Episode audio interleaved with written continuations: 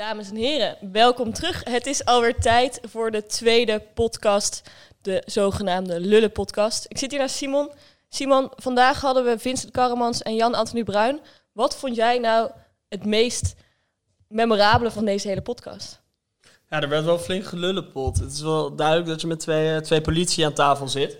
Maar eh, we hebben toch wel weer wat, eh, wat mooie nieuwtjes. We hebben gehoord dat Karremans uit een links nest komt. De VVD was eigenlijk een beetje een scheldwoord eh, bij, bij de fractievoorzitter van de VVD Rotterdam thuis. Dat is wel opvallend. En ehm, ze vinden eigenlijk allebei dat wij uit onze luie stoel moeten komen en een beetje in opstand moeten komen tegen die coronamaatregelen als jonge generatie. Dus ehm, ja, Ja, ze zeiden op naar het Malieveld, hè? Ik op ben naar het Malieveld eh, inderdaad. wat iedereen van die argumentatie vindt, waarom we daar naartoe zouden moeten gaan. Ja, ik denk dat er heel veel moet gebeuren ook om die brakke jongetjes en meisjes eh, van onze vereniging naar het Malieveld in Den Haag te krijgen eh, met het OV. ja, ik zou er vandaag niet tot in staat zijn, moet ik zeggen hoor. Nee, nee, nee. Guido volgens mij ook niet als ik hem zo zie. Maar ehm, ja, Wel perfect moment om te luisteren naar die podcast. wel een lekker moment. Je kan gewoon met die trein, of gewoon met de limousine natuurlijk, naar het Malieveld en dan onderweg even net die podcast knallen. Volgens mij is dat ongeveer 40 minuten, toch? 30 minuten. Let's go!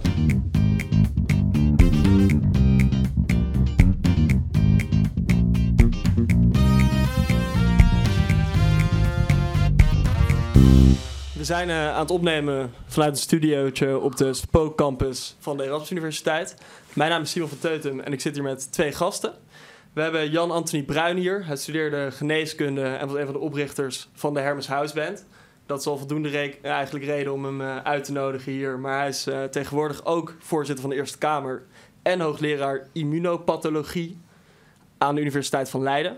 Tweede gast is Vincent Karremans, oud-rector van het RSC studeerde economie en rechten in Rotterdam. Eh, Vincent is fractievoorzitter van de VVD in Rotterdam. En oprichter en directeur van netwerksite MagnetMe. Welkom mannen. Hoe is het Ja. om, eh, om weer terug te zijn in, eh, op de Unie? Ja, het is altijd heerlijk om hier terug te zijn. Hoewel ik natuurlijk op de medische zat, dus ik, ik kwam hier niet zo vaak op Woudenstein. Maar gaaf om hier te zijn. Ja, het is echt wel veranderd, hè? Ja. Nu heb ik dat wel meegemaakt, hoor. Maar het is, het was, in mijn tijd was het nog hier iets verderop. Dat is mooi om te zeggen, in mijn tijd. Hmm. Klink ik als een oude lul. Hmm. Ik ben, in 2005 ben ik hier gaan studeren. Economie en rechten. En eh, rechten, dat zat dan eh, hier in het L-gebouw. Hè, dat zit hier iets verderop. En eh, economie zat echt al, dat, dat was in dat godschuwlelijke H-gebouw. Is dat nog steeds zo? Ja, dat is nog steeds heel lelijk. Ja, dat was met al die. Dat, ik lach. ben er laatst nog geweest, een keer voor een opening van de Meesterweek. Dat was toevallig in het Haaggebouw. En het rookt nog steeds hetzelfde. Ja, ja. Ja, Nou, dit ik, gebouw is dan wel weer nieuw. ik, kom, ik, kom, ik kom nog wel eens op de medische natuurlijk. Ik heb net een filmpje ook hier staan bekijken in de hal. Die werd in 1968 gebouwd. Hè, dat, dat, dat witte Ja. gebouw. En als je het nog ziet, is het eigenlijk nog steeds een modern gebouw. Een heel, hele tijdloze als architectuur. Sociëteit. Heel hè. bijzonder. Dat is, eh, nieuwe Sociëteit zaak, nieuwe ook, zaak 68? allebei. Ja. 68 ook. Ja. Oké, dat wist ik niet. En toen waren jullie al net zo ambitieus als nu? Of eh, waren jullie toen nog vooral bezig op de vereniging en eh, met het thuis? Nou, het ik was vooral eh, ambitieus in de zin van, ja, ik deed twee studies, dus ik was wel een ambitieus mannetje, denk ik. En eh, ik was ook wel actief op het RSC, dus dat, dat, dat wilde ik er allemaal wel bij doen. Maar dat, dat beperkt zich vooral tot studiepunten en, eh, en vootpunten, zeg maar. Dus dat was niet, Ja, eh, niet, eh, dat ging niet veel verder dan dat. Maar je was dan ook helemaal niet bezig met politiek. Nou, ik was wel- lid van de VVD. Toen al? Sinds, ja, sinds 2006. Toen al? Ja, omdat mijn vader tekende ook voor Nieuwsport, het blad van de Tweede Kamer. Oh. Maakte politieke illustraties. Maar jij komt zelf uit de linksnet, toch? Ja, nou, mijn vader heeft nooit VVD gestemd. Nee. Dus dat, dat was echt, die stemt D66 op Partij van de Arbeid. En toch was jij al VVD'er toen je... nou, het, het grappige is dat ik, eh, voor, ik groeide op in Wassenaar. Eh, dat is toevallig de plek, eh, precies, dat is de plek waar jij ook vandaan komt. Jan Ja. En, Zijn, eh, zijn vader was leraar van mijn dochter Ja. op het Rijnland Lyceum. Ja. Leuk hè? Dus ik, was, ik, ik groeide op Wassenaar, wel het slechte, de, slechte kant van het bruggetje. Hè, dus de verkeerde kant van het bruggetje, ze- zei men dan. Rechterkant. Buiten De rechterkant, Ja. En, eh, maar dat is dus, en ik, ik, ik weet nog wel dat, ehm, eh, daar, daar stemt natuurlijk iedereen VVD. Daar heeft VVD natuurlijk ook al, ook al eh, jaren natuurlijk de, de, de alleenheerschappij zo'n beetje. Nou, inmiddels niet meer. hè? Ja, of hebben ze een lokale, ze hebben afsplitsingen geloof ik. Ja. Maar goed, anyway, dus daar zijn mensen toch wel, toch wel heel erg voor de VVD. En, eh, maar ik, was, ik, ik weet nog dat ik dus bij vrienden van mij vroeger, ik zat op een Montessori school daar, dat ik daar ehm, VVD-stickers op de, op de container zag staan. Ik dacht, ja, dat is, dat is slecht. De VVD is slecht, dat is rechts, dat moet je niet hebben. Je moet, links is goed en rechts is... Dus, ja, dat, dat is natuurlijk wel op een gegeven moment veranderd bij mij. Maar goed, ik, ben ook, ik was vroeger ook voor Ajax en nu ben ik voor Feyenoord. Hoort ook bij de leeftijd. Kan ook veranderen, ja. Nee, ik was in Rotterdam eh, ambitieus in de studie wel, toch? Ik, was ook, met- ik deed ook onderzoek erbij. En eh, op de sociëteit was ik vooral bezig met muziek. En ik woonde in Huizen Het Haventje op de Rochsestraat. Misschien dat iemand het kent. En ehm, wij zaten op een gegeven moment met, met twee oude schoolvriendjes... zat ik eh, op, op de sociëteit in de haardkring wel eens een beetje muziek te maken. Als je dat op het RSC doet, dan ben je meteen al enorm cultureel. Want er gebeurt verder Nee, aan cultureel precies. niks. Ja. Dus dat waren wij ook. En toen hadden we dat drie keer gedaan. Ehm, en toen zei iemand, ja, jullie moeten eigenlijk ook wel een naam hebben. Dat stelde echt helemaal niks voor, maar oké, een naam. Nou ja, welke naam dan? En toen, toen zei een van die andere twee, die zei eh, de Hermes House Band. Dat weet ik nog heel goed. En ik was er heel fel tegen. ik vond het namelijk zo'n ongelooflijk slechte voor de hand liggende... Had jij een ander voorstel? Saai, nee, ik, ik dacht, ja, we hoeven überhaupt geen naam te hebben. Maar de Hermes Huisband is wel heel erg. Maar ik was toen al democratisch. Die andere twee vonden het goed. Dus toen werd het, werd de Hermes Huisband. Toen, Zo ontstond de Hermes Huisband. was ik drummer. En ehm, toen hebben we dat nog twee keer gedaan. Toen zijn we gestopt. Toen hebben we nooit meer daar gespeeld. En toen is pas een jaar daarna weer een nieuwe band opgericht. Met dezelfde naam. Dus de eerlijkheid gebied te zeggen, ik ben niet de oprichter van de latere Hermes Hermes House House Band. Band. Alleen Ja, wel van de eerste band op de sociëteit die die naam droeg. Maar jullie, Waar ik waren dus dus al- tegen was. maar jullie waren dus allebei eigenlijk niet heel veel bezig met politiek in je studententijd zelf. Nee, niet met politiek zelf. Nee. Ik was, ik was niet politiek actief. Ik, dus het enige was ik, ik was lid en dat kostte ook niet zoveel geld volgens mij. Als je voor je dertigste betaal je een tientje of zoiets bij de VVD. Bij heel veel politieke partijen is dat zo. Die hebben Ja. gewoon jongere Jonge lidmaatschappen. tarief, ja. ja. Een lager tarief. En dus ik dacht, ja, die kreeg dan de, de hoe heet dat? De Liber. Dat ik, bestaat niet meer. Dat was een soort, eh, soort eh, Nee, Hermes. Nee, liberaal revij, erger nog. Ja, nee, dat was nog. Dat, nee, Zo'n maar, blaadje. Ja, is dat zo? Nou, goed, ik kreeg zo'n blaadje en dat had ik dan in mijn postvak. Ik woon op de Honingerdijk in een, in een oud eh, RSC-huis. Dat bestaat nu niet meer. Dat heette Bevovenkant. En eh, daar had ik een heel postvakje. Daar had ik, ik had een abonnement op de Economist. En die, die pakte ik nooit uit. Dat, was ook, dat kostte ook heel weinig. Dat vond ik als econoom, eh, eh, eh, student economie vond ik dat echt wel mooi om te hebben. Maar ehm, eh, dat was het dan ook, want ik las die blaadjes nooit. en eh, daarbovenop waren dan die libers gestapeld. Dus allemaal nog in celofaan, dus in plastic. Ehm, dus dat kan ik me nog wel herinneren. Oh, maar voor de rest lachen. deed ik er niks mee. Nee. Ja, ik, ik verhuisde op een gegeven moment van de Rochse straat, Huis het Haventje, naar eh, de Staten-Singel in Rotterdam. Daar richten wij een nieuw huis op met de naam Modaalzicht. Dat vonden we wel een toepasselijke naam. En ehm, ik verdiende mijn geld bij in, eh, na studie met pianospelen. Dus eh, ik speelde borrels en partijen voor 100 gulden per uur. Best veel geld. Plus gratis bier en sigaren. Ik heb één keer vijf uur achter elkaar zitten spelen. Voordeel bij zo'n receptie en zo'n borrel. Niemand heeft in de gaten dat je iedere keer hetzelfde speelt. Dus dat kan je eindeloos volhouden. En toen stond er een keer iemand ehm, bij de piano, die ik wel kende uit Wassenaar nog, want daar kom ik ook vandaan. En die zei, joh, je moet een keer mee naar een politieke avond. Ik dacht, oké, nou, het zei me helemaal niks. Maar het was wel een aardige vent. Norman Schreiner, vrij bekend oud lid van de sociëteit. Hij is nog steeds actief volgens mij met muziek en zo. En ehm, eh, hij, wij wonen nog steeds wel redelijk bij elkaar in de buurt. En ik kende hem dus toen ook. Dus hij zei een keer tegen mij: Je moet een keer mee naar de VVD in Wassenaar. Ik zei: Nou, oké. Dus ik, omdat het een aardige vent is en ik geen, geen nee wilde zeggen, ging ik met hem mee. Was een, ongeveer 19 1985 om me afstuderen. En ik weet nog heel goed, dan kwam je in die tijd kwam je dan in een toen nog rokerig zaaltje op een doordeweekse dag met TL-buizen boven een kroeg. Had jij sigaren meegenomen van de muziekavonden? Nou, dat, dat nog net niet. En het was, het was echt lokale politiek. Hè? Dus zo'n rokerig zaaltje. Boven een kroeg, TL-buizen, door de weekse avond. En daar zaten allemaal hele belangrijke mensen. Hoeveel? Ruzie, nou, daar zaten tien mensen of zo, waarvan, de, waarvan acht achter een tafel en de rest in de zaal. Twee dus. En die zaten allemaal ruzie te maken over lantaarnpalen, hondenpoep en dat soort dingen. Tegels, ja. Dus de eerste keer krijg je daar een enorme weerzin tegen en denk je, dit is helemaal niks. Maar toen, na ongeveer een uur, dacht ik, nou, ik ga toch ook eens wat zeggen, want volgens mij vind ik er ook wel iets van. Dus toen deed ik mijn mond open en vijf minuten later zat ik in een commissie. En toen deed ik nog een keer mijn mond open. Toen was ik voorzitter van die commissie. En zo, zo is het bij mij begonnen, de politiek. Rond 1985. Ik ben, ik ben altijd actief gebleven. Maar ik ben eigenlijk nooit zoals Vincent echt de politiek ingegaan. Zelfs in de Eerste Kamer is eigenlijk niet echt een hele politieke functie. En zeker voorzitter niet. Maar ik ben altijd bestuurlijk en inhoudelijk actief geweest. Ik ben uiteindelijk, dankzij Vincent, ben ik eh 2018 formateur geweest hier in Rotterdam. En informateur, wat heel erg gaaf was. Nee, geen informateur trouwens. Maar je En- schrijft toch ook mee aan het verkiezingsprogramma? Dat lijkt me Ja, en ik ben drie keer voorzitter geweest van de Ja. Landelijke Verkiezingsprogrammacommissie de afgelopen tien jaar. Ook heel interessant.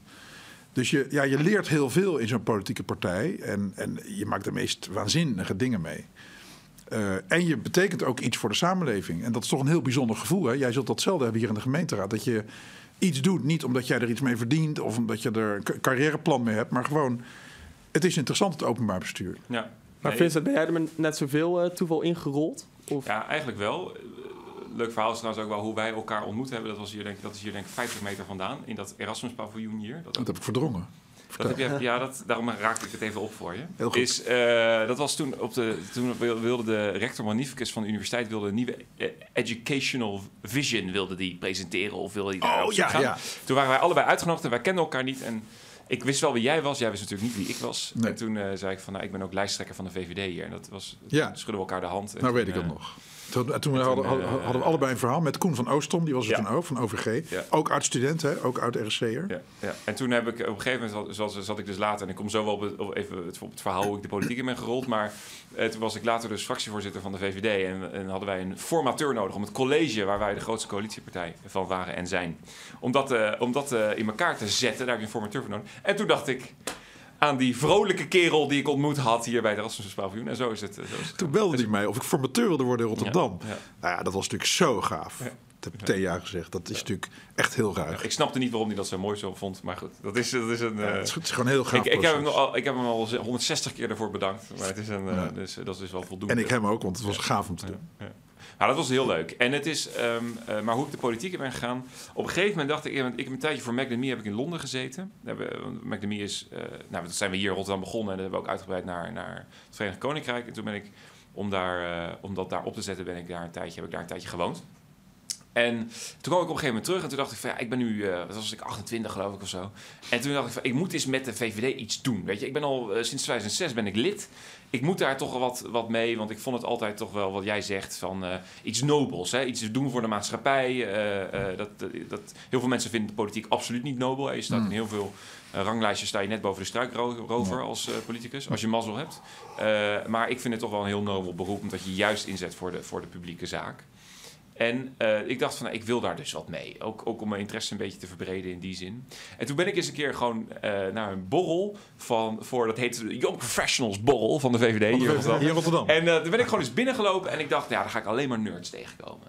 Alleen maar van die nerds, die, die, van die JOVD'ers, weet je wel. Blazers, Van die op een stropdas. 16-jarige leeftijd al in pak lopen, weet je. Die, die dan eindeloos verhalen vertellen over waarom een minister het wel of niet goed doet, weet je. Ja. Eh, iets wat, wat ik totaal niet interessant zou vinden. Maar ik dacht, ik, wil, ik moet ergens beginnen, ik loop ergens naar binnen. En dat viel inderdaad hartstikke mee. Onwijs leuke mensen, Hmm. onwijs, onwijs gelachen. eh, Mm.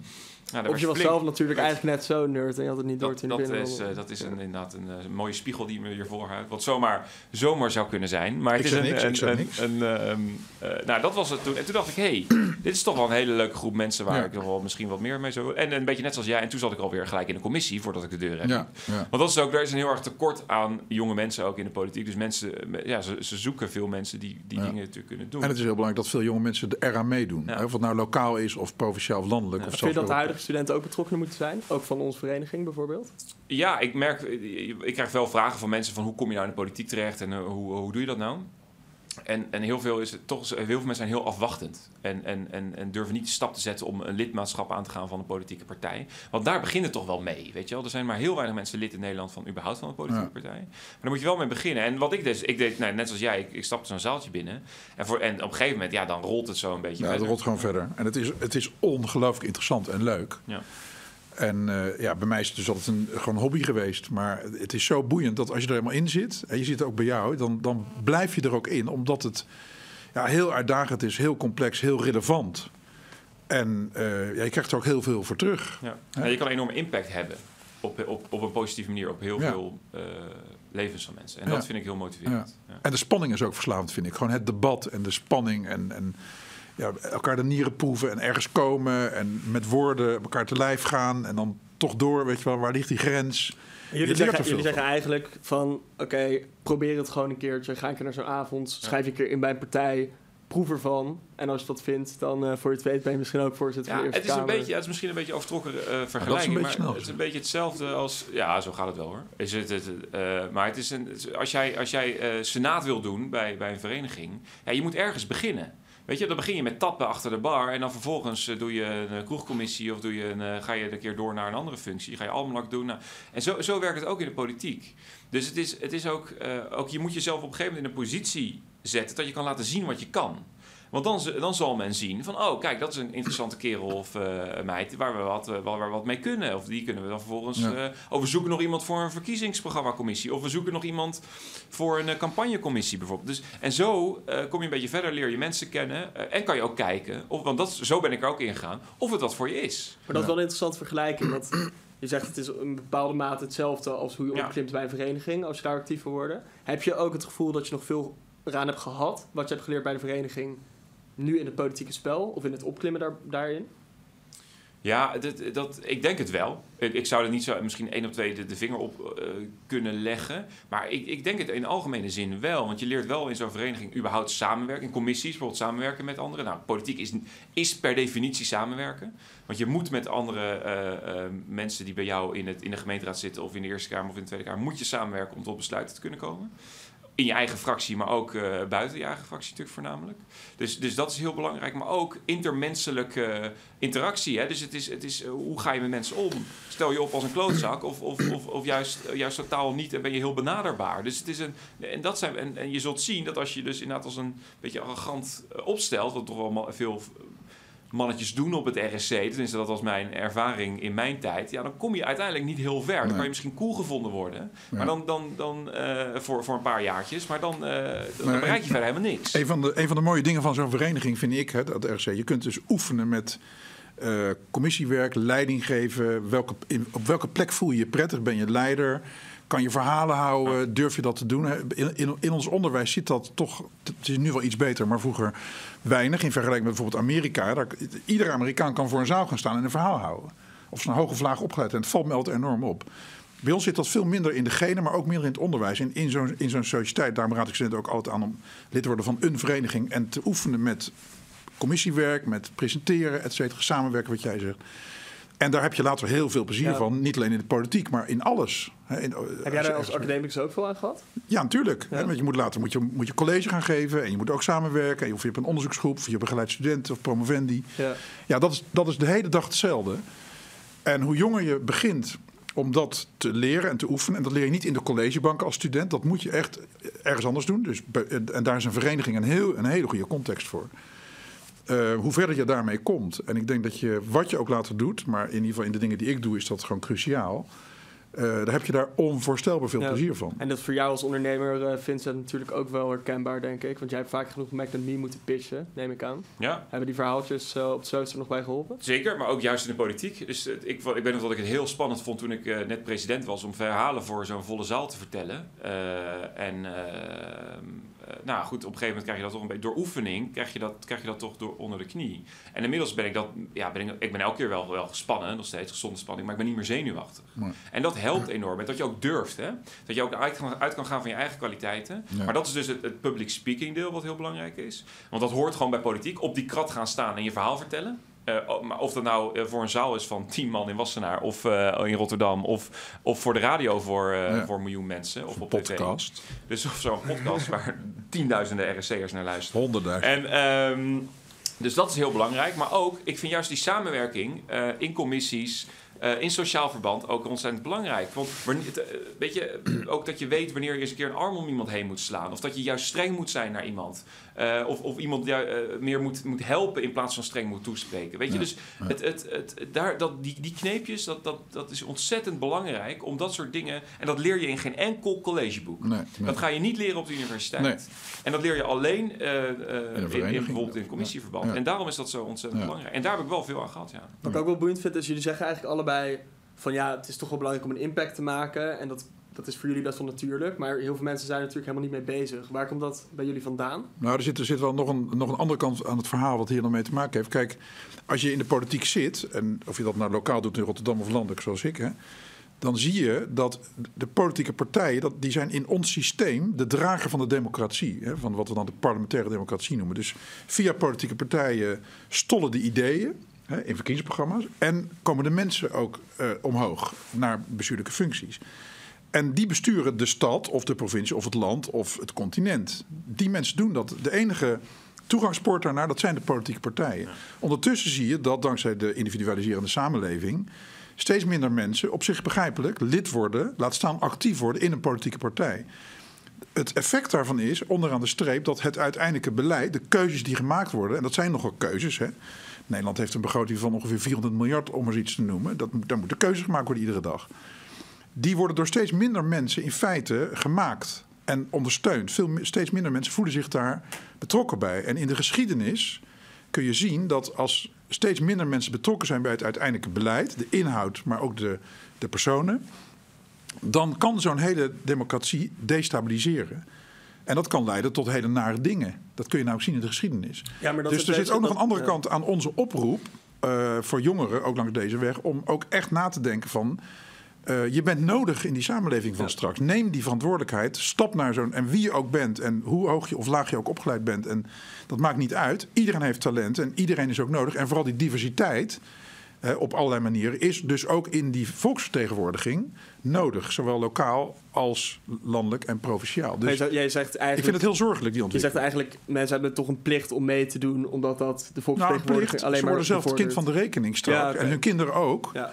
Als je dat laat versloffen. Maar ik neem aan dat er bij jou nog wel meer achter zit dat je zo betrokken wilde raken dan alleen maar het gevoel, oh, er moeten belangen vertegenwoordigd worden. Of valt dat wel mee? Nee, ik ben er dus gewoon ingerold dankzij Norman Schreiner bij die piano. Ja. Anders had ik dat idee nooit, nooit gehad. Bij ons thuis, mijn vader was ondernemer. Er werd heel weinig over politiek en openbaar bestuur gesproken. Eigenlijk niet. Dus ik had die interesse niet van, van mezelf uit, ook niet van huis uit. Ik ben er echt bij toeval ingerold. En voor hetzelfde geld zou dat niet gebeurd zijn. Is dat voor jou anders, Vincent? Nou, ik heb, ik heb wel, eh, zeg maar, in mijn jeugd, dus dat mijn, mijn vader die eh, tekende, maakte dus politieke cartoons. Nou, kan je je voorstellen dat ik al als zesjarig jongetje bij hem op schoot kroop en vroeg, wat is dat? En zei, dat is Ruud Lubbers en wie is dat? Ja, dat is Oh, wat leuk. land, weet je. leuk. Dus dat ik wel een soort van dat meekreeg en dat ik op een gegeven moment op jonge leeftijd ook wel... Dus ging ik ook aan, want je had nog geen scanners daar, dus hij moest die tekening ook op het binnenhof inleveren bij Nieuwsport. Dus ik ging aan de hand van mijn vader, ging, ik zat dan, ik zat opeens Wim Kok dan. Weet je, dus ik was wel verwonderd door die wereld op een gegeven moment. Dus het is, ehm, ik had niet zoiets van, ik moet per definitie de politiek in, maar ik heb er altijd wel een soort interesse voor gehad.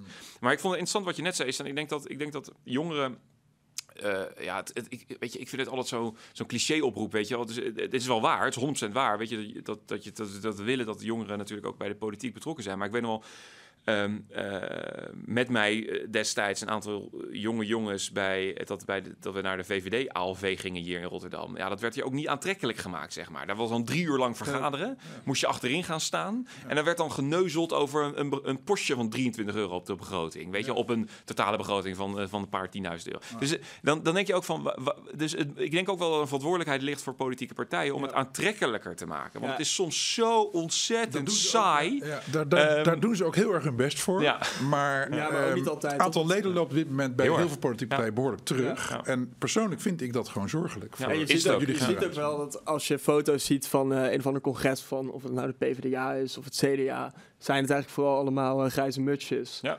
En ik denk dat de opkomst van FVD, die kun je daar aan de hand daarvan ook wel een beetje verklaren. Want die hebben veel, zijn toch, even ongeacht wat je van hun standpunt vindt, die zijn heel actief. En eh, met veel jonge mensen hebben ze leuke evenementen georganiseerd. Het is eigenlijk vreemd dat partijen die een veel betere infrastructuur hebben om zoiets te organiseren, die kans laten liggen. En dat dan een of andere snotneus die gewoon uit het niks even met wat vriendjes een zaaltje huurt, het wel kan Ja, fixen. Dat is ook zo. Maar dat, dat, maar dat is helemaal waar. En wij hebben natuurlijk nu die festivals die op zich best leuk zijn. Eh, want dat is een hele dag lang in plaats van een congres achter elkaar in rijen zitten en eh, omhoog steken als je het eens bent met een voorstel. Kijk, en dat, dat onderdeel zit er nog steeds in hoor. Maar het is ook eh, soms, en ik merk dat ook wel, in, in de politiek is, is het soms verdomd lastig om dingen te veranderen. Omdat mensen hebben natuurlijke weerstand tegen verandering. En zeker in de politiek. En zeker de mensen die de macht hebben in de politiek. Want die hebben die macht op een dergelijke manier verkregen. Die, die kennen, die, kennen die, die, die, die wereld, eh, de stappen die je door moet gaan. En die vinden alles wat daar, eh, wat daar niet op lijkt, zoals je nou nu bij Forum voor Democratie zit, vinden ze eng. Dat is iets menselijks, maar ik denk wel dat het aan, eh, eh, ja, aan de politiek is zelf, om dat, en die partijen, om dat wel te veranderen uiteindelijk. wat doen jullie zelf om de- het aantrekkelijker te maken voor bijvoorbeeld jonge mensen? Nou, ik vraag heel veel jonge mensen die geïnteresseerd zijn in de politiek om gewoon langs te komen tijdens eh, gemeenteraadsvergaderingen. Dan neem ik ze gewoon mee. Dan laat ik ze gewoon, want, eh, eh, en dan laat ik ze gewoon zien. Dan zorg ik dat ze een rondleiding krijgen door het stadhuis.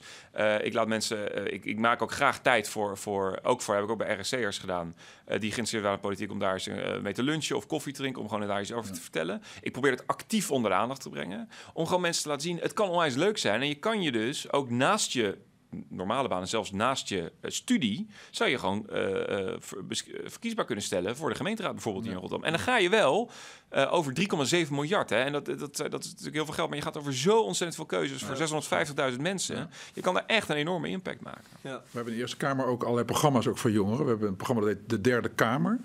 Dat is vooral voor scholieren. Ehm, we hebben ook eens in het jaar dat een hele zaal vol scholieren die komen debatteren. Dat is een soort finale van een landelijke wedstrijd. Ook heel gaaf. Maar jij doet die V25 ook, hè? Ja, we organiseren één keer per jaar, eh, sinds een aantal jaren, een oploop met alle. eh, ik, ben, ik, ik ben zelf lid van de adviesraad van de Landelijke Kamer van Studentenverenigingen. En nodigen we alle besturen van alle verenigingen uit in de Eerste Kamer één keer per jaar. Dan praten we dus over dit soort onderwerpen in feite. Hè. Wat, wat doe je met je vereniging en hoe neem je met je vereniging maatschappelijke verantwoordelijkheid? En hoe zit het met, nou ja, tot en met de ontgroening en de beeldvorming en zo, al die problemen aan toe, alcohol, et cetera, et cetera. Maar ook internationalisering, digitalisering. Hartstikke interessant. Ehm, en we zijn nu bezig om, eh, om na te denken over een nieuw programma als Eerste Kamer. Met eh, eigenlijk online onderwijs over politiek. Dus dan willen we docenten vragen, inclusief ikzelf, om verhalen te houden. Over ja, de politiek in het algemeen, het openbaar bestuur. Om zo ook jongeren te bereiken. En wat ik zelf ontzettend leuk vind, wat ik al heel lang doe, is gewoon spreekbeurten. Ja. Eh, en ik ben ook van plan om naar scholen te gaan in mijn huidige functie. Dus ehm, Dus er zijn eigenlijk genoeg platformen om het toegankelijker te maken, of waarmee je er makkelijker in kan stappen of, of mee kan doen, eigenlijk als jongere. Maar je hebt natuurlijk wat jij eigenlijk net ook zegt, je hebt ook een soort van stigma eh, van, oh ja, dan kom ik daar zo meteen en dan heb je daar allemaal van die nerds die al een pak dragen vanaf hun zestiende. Dat lijkt, dat, ja, die JVD-achtige, dat lijkt me lastiger te veranderen. Of, valt Ja, wel ik ben, ook, ik ben ook nooit lid geweest van de JOVD. Eh, niet dat dat per se een... een eh, jij wel trouwens? Ben jij lid geweest van de JOVD? nee, ook niet. Nee. nee, dus het is ook niet zo dat... Ik weet wel, dat is een heel grappig is van een, eh, een maatje van mij... met wie ik Almanak deed. Die ging tijdens mijn... stu- terwijl wij Almanak deden... ging hij het gerucht verspreiden dat ik voorzitter van de JOVD was geweest.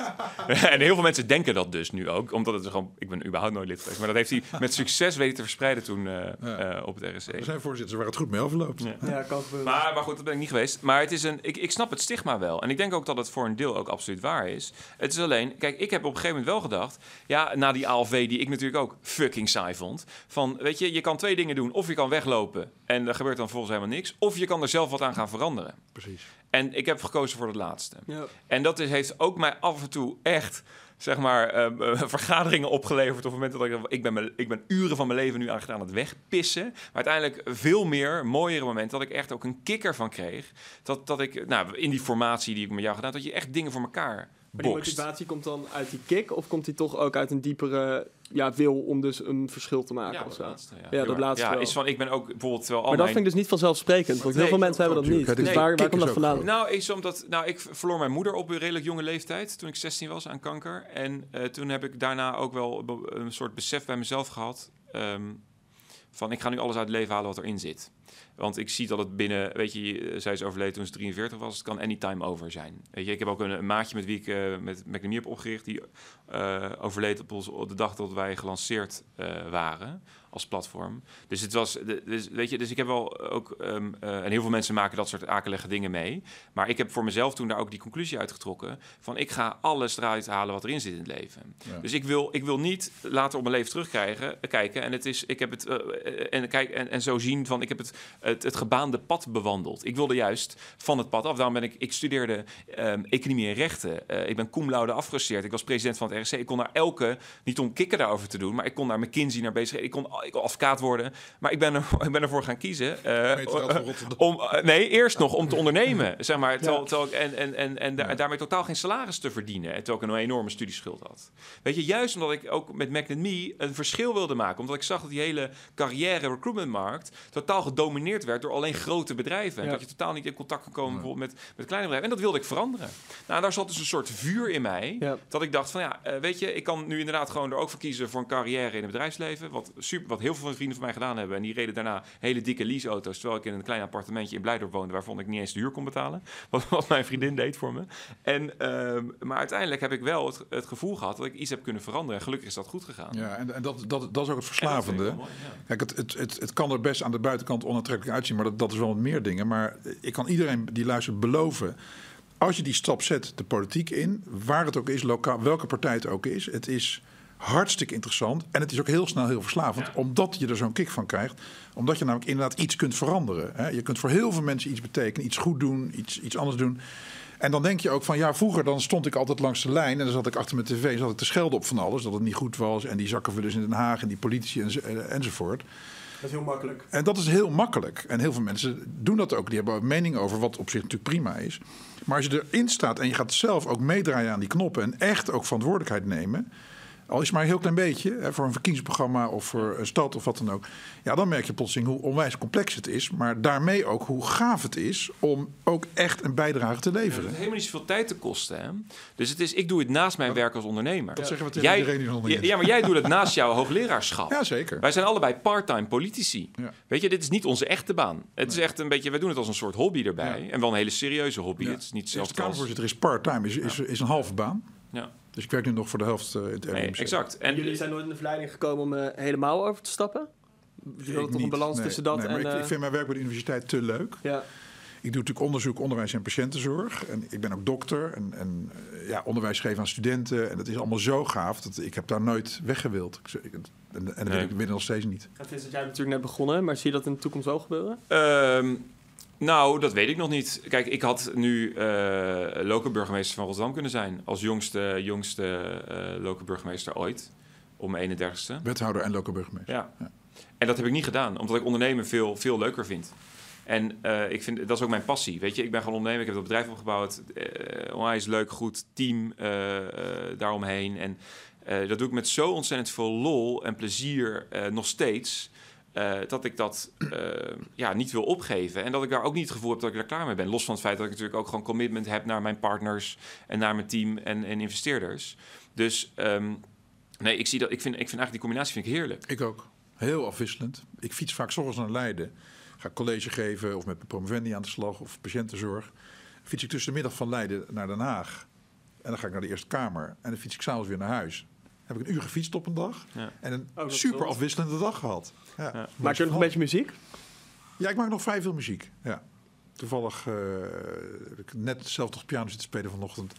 Ik moest een eh, partituurtje schrijven voor een cellist die me dat vroeg. Dus eh, ja, muziek is ook heerlijk. Dat blijft ook je hele leven. En in welke mate is de politiek nou echt fundamenteel anders dan die andere carrières die jullie hebben of hebben bewandeld? Voor mij is het niet, is niet fundamenteel Nee? anders. Nee. Ik, ik beleef het zelfs eigenlijk als hetzelfde. Ik, in mijn- werk in het ziekenhuis werk ik met het menselijk lichaam. Hè, patiëntenzorg, onder- onderzoek, onderwijs. In de politiek werk je met het openbaar bestuur. En ik vind dat heel vergelijkbaar. Want het is allebei enorm complex. Het is allebei eh, ongrijpbaar. Hè. Je kunt het nooit helemaal begrijpen. Je kunt je hele leven eraan werken, daarop, erop studeren... en nog begrijp je het niet. Dus het is ook afwisselend en dynamisch. En het is allebei heel relevant. Het openbaar bestuur en het menselijk lichaam zijn dingen die er echt toe doen. Dus ik beleef dat, en vooral dat complexe ook, hè, het wetenschappelijke, het, het ondergrondelijke, de continue leercurve waar je altijd in blijft zitten als je in de wetenschap zit of als je in de politiek zit. Dat is het leuke. Het wordt nooit saai. Je leert iedere dag weer iets nieuws. Je maakt ook iedere dag een nieuwe situatie mee. Een, heb je ook net een nieuwe een soort ziekte, van... een unieke patiënt, een unieke situatie in de politiek. Maar heb je dan ook in de politiek wel eens een Eureka-moment gehad van oké, dit... Ik, heb nu echt een ander inzicht? Of valt dat dan maar weer mee? Ja, nou, ik heb nou ja, heel veel. Als je, ja, kijk, je leert continu bij. Ik leer nu nog steeds. Hè. We hadden eergisteren een debat en dan zit je dat eh, voor. En dan leer je continu nieuwe dingen. Of je leert hoe mensen erin zitten. Of hoe iets werkt. Hoe, hoe wetgeving werkt. eh, hoe, wat is de grondwet? Ik ben, ik, ben, ik ben natuurlijk geen jurist. Dus ik zit er ook mijn ogen uit te kijken. Dus daar leer je continu. Maar als je onderzoek doet. Als je wetenschappelijk onderzoek doet met promovendi. Bij gaat dan over de nier. Ehm, daar leer je continu ook weer nieuwe dingen over moleculen, over hoe een nier werkt, hoe ziektes in elkaar zitten, hoe die behandeld moeten worden. En dat, en dat vind ik een van de leuke dingen. Dus voor mij is het qua beleving, is de politiek niet fundamenteel anders dan de medische wetenschap. Bij mij wel hoor. Ja, natuurlijk- kijk, ik ben, kijk, ik denk dat het voor ondernemen en politiek zijn wel echt twee hele verschillende dingen. Het is qua doel wel hetzelfde. Je wil namelijk, eh, je bedenkt iets eh, en je wilt het in uitvoering brengen en je, wil, je, je, je krijgt een kick van het resultaat. Weet je? Mm. Dus wat dat betreft is het hetzelfde. Eh, alleen eh, de politiek, kijk, ondernemers zo, als je, dan, dan, dan kan ik met mijn team of met, met, met mijn oprichters kan ik iets bedenken van. ehm, we gaan, we gaan, vandaag gaan we rechtsaf. Weet je, dat gaat super snel. Dat ga je doen ook. En dan ga je, ga, ga je gelijk aan de slag, een Korte uur later. lijntjes, weet je wel? Dus het is, Ja. dat is fantastisch dynamisch. En dat is in de politiek niet zo. Als je daar iets voor elkaar wil krijgen, wetenschap ook niet. nou, dan moet je eerst eh, advies inwinnen. Dan ga je eens een motie schrijven. Dan moet je wachten tot de volgende raadsvergadering. Dan ga je die, kijken of je genoeg steun voor die motie kan vinden. En dan gaat er helemaal vaak Dat lukt dan niet. dat lukt dan niet of wel. Ja, precies. Dus het is, het is natuurlijk heel traag. En besluitvorming gaat traag.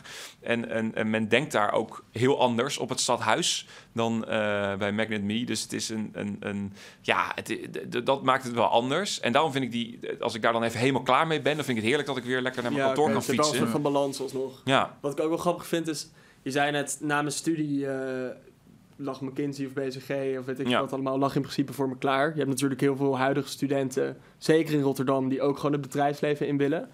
Ehm, maar jij wilde die stap, jij wilde niet voor die veilige route kiezen. Nee. Zou je dat ook adviseren aan huidige studenten? Ja, ik vind, ik vind dat. eh, ik denk dat zeker als je jong bent, of ook tijdens je studie, dat dat het moment is om te gaan ondernemen. Weet je, ehm, omdat je dan nog gewoon even, laten we zeggen, eh, eh, gratis op je bek kan gaan. En uiteindelijk gaat het om. Je moet. Eh, durven, dat vind ik, dat is, dat is ook zoiets wat ze, dat heb ik toen verteld toen wij die avond elkaar hier ontmoetten over die nieuwe eh, visie op het onderwijs, is dat in eh, het universitair onderwijs zit totaal niet, word je totaal als student niet aangemoedigd om te falen. Maar je leert het meest van één ding, dat is namelijk op je bek bek gaan. Dat is met tentamens oefenen zo, Dat maar dat is in alles zo. In alles, ja. ja. En, en, dat is, en dat wordt totaal niet gestimuleerd op de universiteit. En, ik vind, en dat is veel meer op het RSC zo. Hè. Dus daarom Ja. dus die commissies. En gewoon probeer nieuwe dingen uit en ga op je bek. En, en, en wees daar niet ehm, ehm, angstig voor dat je, dat je dat doet. Of wat mensen dan vervolgens van je denken als iets niet lukt. Maar leer er juist van. Ik heb een prachtig, mijn, mijn coach, mijn mentor Harold Swinkels ook. RSC, die heeft, eh, uiteindelijk heeft, die heeft in zijn studententijd samen met Pieter Schoen. Die nu in Dragon's Den zit. Ja. Heeft hij een eh, Career Fever opgericht. Ook een soort, een soort van avant la lettre. Dus van, van die tijd. Daar zijn ze gierend hard mee op hun bek gegaan. Maar die hebben daar zoveel van geleerd... dat ze daarna de Nederlandse Energiemaatschappij hebben opgericht... en voor meer dan, of, ik geloof voor 200 miljoen hebben verkocht. Dus het is... Dus, de- en en daar, daar, daar zit wel de crux. Ze hadden ook kunnen denken... een beetje bij, de pakken neer gaan zitten... en niet meer, de, het niet meer dur- aandurven... omdat ze bang waren om nog een keer op hun bek te gaan. Maar in plaats daarvan zijn ze weer opnieuw begonnen... en hebben ze juist die lessen die ze geleerd hebben... die eerste keer omgezet tot succes. En, en dat is wel wat je iets kan. Dat, dat is moeilijker als je een hypotheek hebt en drie kinderen Ja. en een, een vaste baan eh, eh, met zekerheid. En dat kan nu heel makkelijk. En dat, daarom heb ik ook toen met McNamee gedacht: ik moet het nu gaan doen. Nu heb ik nog de kans. En ik heb zelfs, ik heb zelfs letterlijk heb ik nog een jaar rechten een master gedaan, want anders had ik dat niet gedaan. Want ik was compleet klaar met studeren. Ik had er echt geen zin meer in. Heb ik nog een jaar lang eh, een, een rechten master gedaan, die ik overigens wel gehaald heb. Eh, met eh, niet al te beste cijfers overigens. Maar die heb ik wel gehaald om maar gewoon die studiefinanciering te krijgen.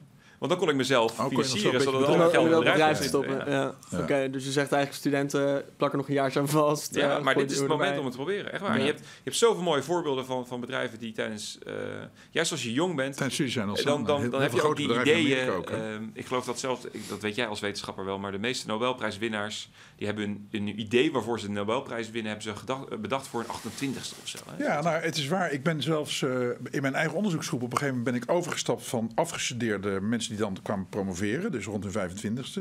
Overigens, als je dus in het menselijk lichaam kijkt, dan begint de aderverkalking begint al ongeveer op je 18e. De veroudering. En we zijn ook eigenlijk niet gemaakt om heel veel ouder te worden dan 23. Want zodra je nageslacht hebt ge- ge- gecreëerd, dan, ben je, dan zou je ook kunnen, kunnen overlijden. Dus die veroudering die begint al veel vroeger dan je denkt. En ik ben in mijn onderzoeksgroep op een gegeven moment overgestapt van afgestudeerden die dan fulltime kwamen promoveren. Dat heb ik de eerste 15 jaar gedaan.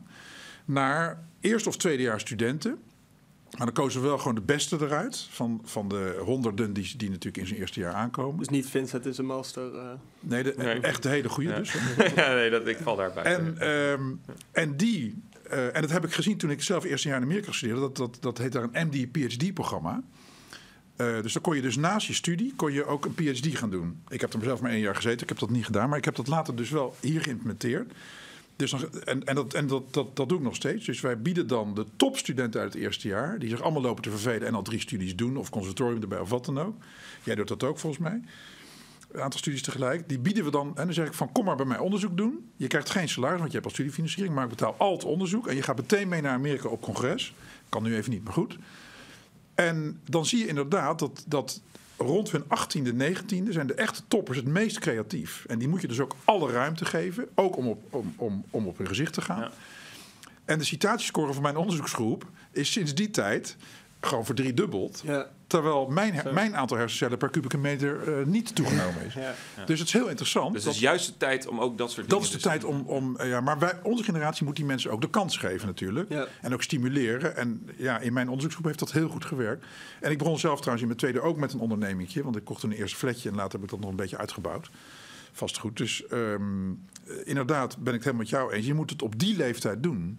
Maar je hebt wel iemand nodig die je over die drempel duwt. En, en, eh, want je moet ook in jezelf geloven. En als je natuurlijk twintig bent, dan, ja, dan denk je niet Ja. meteen... oké, ik kan iets ondernemen. Nee, maar ik- dat hoeft dus ook niet per se, want je kan dus gratis op je bek gaan. Juist. ja, ja, maar je moet wel iemand hebben die, tenminste, ik, ik heb dat wel nodig gehad, die ook zegt van oké, hè, of, een, of, een, of een rolmodel of Ja. zo. Maar ligt er dan ook niet iets meer verantwoordelijkheid bij iets oudere mensen om dat iets meer gewoon tegen daarom jongeren... wij hier ook. Ja, precies. Heel goed. Om te Nee, maar vertellen aan de jeugd Ja. Ja. dat zij dat vooral moeten Daarom vind Ja, ik maar het, ik vond de dan vind ik cultuur... ook om ja. met studenten om Ja. te gaan. Dat doe ik dus ook mijn leven. Om, om ze te stimuleren en te kietelen en te prikkelen. En te zeggen, joh, jij kan het. Je gaat het doen. Jij gaat op dat podium staan. Je bent wel 19, maar jij gaat dat verhouden in Amerika voor die zaal van duizend man. En dan in één keer kunnen ze het ook. Vet, hè? Maar dit is, dit, eh, ik, ik, ik vond juist de cultuur op het RSC, toen ik daar lid was, heel erg eh, eh, ondernemerschap stimulerend. Dus ik ben daar ook wel door, heel erg door geïnspireerd. Ook door voorbeelden als Michiel Muller, Harold Swinkels, eh, Koen van Oosterom, weet je, de, de, eh, Joost Romein. Weet je, je, hebt, je hebt er zo ontzettend veel. En dat stimuleerde Ja. echt, dat, ik vond Ja. het heel inspirerend. Ja, ik ook. En dat, eh, dat heeft me wel eh, ertoe aangezet om te gaan ondernemen. Ik denk dat als dat, als, als dat niet was gebeurd, dan was ik er niet mee begonnen. Ja. denk ik. Maar, Nou, het is maar goed dat jullie hier zitten, want dan kun je de huidige studenten ook nog een beetje aanvlammen. Ik ben als laatste nog wel benieuwd. We gaan het allemaal niet politiek maken, maar Tweede Kamerverkiezingen zijn ook weer over een jaartje. Wat vinden jullie het belangrijkste op dit moment? Waar ik juist eh, bang voor ben, is dat er dus veel te veel op, op, op die jongere generatie nu komt te liggen. Dat we dus, want al die belastingen, de- al- ja, dat, dat geld moet terug, oh, inderdaad, of door die overheidsuitgaven terug te schroeven, wat overigens wel kan. Want als je bedenkt.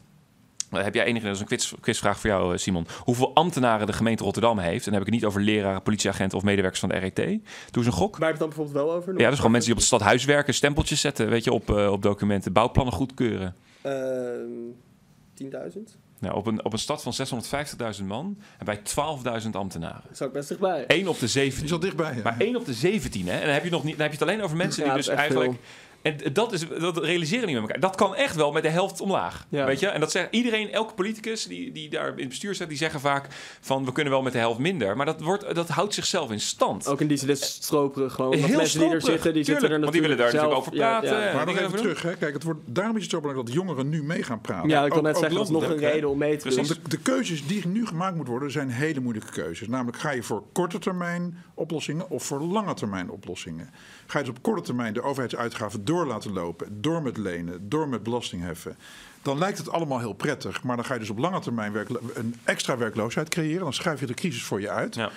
Of ga je op korte termijn moeilijke keuzes Ja, maken. de economie moet ook gaan veranderen. Ja, Weet je, dat is- maar die, en, die, en die dingen die gaan dus jou, de, de, de, generatie van de huidige studenten aan, niet ons. Hè. Wij, inderdaad, wij zijn, wij zijn zo gelukkig dat we het, andere schaapjes op het droog hebben, zeg maar. Maar de crisis waar we nu in zitten gaat dus keihard eh, inderdaad doorwerken. Dat verwacht ik ook. Ook langdurig in de economie. Ja. En dan wordt zometeen de moeilijke keuze. En dan komen we weer terug bij, bij onze oproep om je dus te betrekken, ook als jonge generatie, bij onder andere verkiezingsprogramma's die nu Ja. gemaakt worden. Want maak je de moeilijke keuzes waardoor je op lange termijn ook weer een sterke economie en banen en welvaart Ja. krijgt, ook voor jullie kinderen. Of durf je dat niet? Durf je het aantal ambtenaren niet te verminderen, bijvoorbeeld in je verkiezingsprogramma? Ehm, en wil je op korte termijn ehm, eh, niet de belastingen Ja. verlagen of, en dus ook de uitkeringen? Nou, dan, dan betaal je op lange Ja, termijn. want het is heel simpel, hè? want voor elke euro die we uitgeven aan het salaris van een ambtenaar, die moet door jou opgebracht worden. Ja. Heel, het, het, het- het is echt maar, we hebben niet een gratis pinautomaat. Nee. We denken vaak GroenLinks en D66, die denken dat allemaal. Maar dat, er is geen gratis pinautomaat waarbij we geld kunnen pinnen om het vervolgens uit te geven. Dus het is wel heel interessant. Wat ik, heel, wat ik daarbij ook nog eens een keer vind, is dat als je kijkt naar, ehm, als we bijvoorbeeld een voorstel doen om de eh, eh, pensioenleeftijd te verhogen, hè, als dat gedaan wordt door de regering. Wie, en of, ook, maar ook die voorstellen over al die klimaatmaatregelen. Wie zie je dan met die gele hesjes op het, op het eh, Malieveld staan? Oude mensen. Ja. Dat zijn mensen van, van boven de 60 die daar staan te protesteren. Maar één, die mensen hebben het probleem, laten we zeggen even heel zwart-wit gecreëerd. Die hebben het laten gebeuren, die generatie. En ze gaan het niet, de rekening Ja, niet betalen. Maar de jongeren staan niet op het Malieveld. Exact. Dus ja, nou, En da- waarom niet? ja oké. Weet je, waarom sta je niet op het Malieveld? Je hoort er staan, maar mensen vinden blijkbaar, jongeren vinden Netflix interessanter dan hun toekomstige economische situatie. Precies, Ja. precies. En dat vind ik, en dat is een, dat, dat, die, die, daar is ook een, een economisch wer- woord voor, inertia. Dat is namelijk Ja. dat je niet interesseert in in je je toekomstige eigen toekomst. belangen. Precies. Je eigen toekomst. En dat is zo ontzettend verkeerd dat we, dat we, dat we ga er met elkaar over praten. Eh, word lid van een politieke partij om het vervolgens te veranderen. Want ik merk ook, ik had vanochtend even contact met Klaas Dijkhoff, ook over van hoe doen we dat met generaties en, en hoe kan ik dan nog uitleggen van dat we niet bijvoorbeeld alle, eh, laten we zeggen, oudere mensen juist in quarantaine zetten en de jongere mensen juist hun gang laten gaan. Maar er zitten zoveel taboes in en zolang, zolang politieke partijen voornamelijk bestaan uit, uit oudere mensen, uit oudere generaties. En dat is natuurlijk ook zo gebouwd, hè, want die hebben jarenlang van gemeenteraad naar provinciale staten en dan Tweede Kamer komen ze ergens. Ja, dat, dat kost tijd, dus groeien ook in leeftijd. Dus zijn het automatisch oudere mensen. Maar zolang dat zo is, worden die belangen beter behartigd dan Ja. de belangen. Ja, Ik vind het- nou, lijkt me een goede noot om mee te eindigen. Eigenlijk wel, eh, jongeren gaan naar het Malieveld of eh wordt er ook We gaan een iets bus meer... regelen. Wij gaan een bus Ga regelen. deelnemen in een politieke arena. Ja. Zoals de Eerste Kamer. Nou, heren, hartstikke bedankt.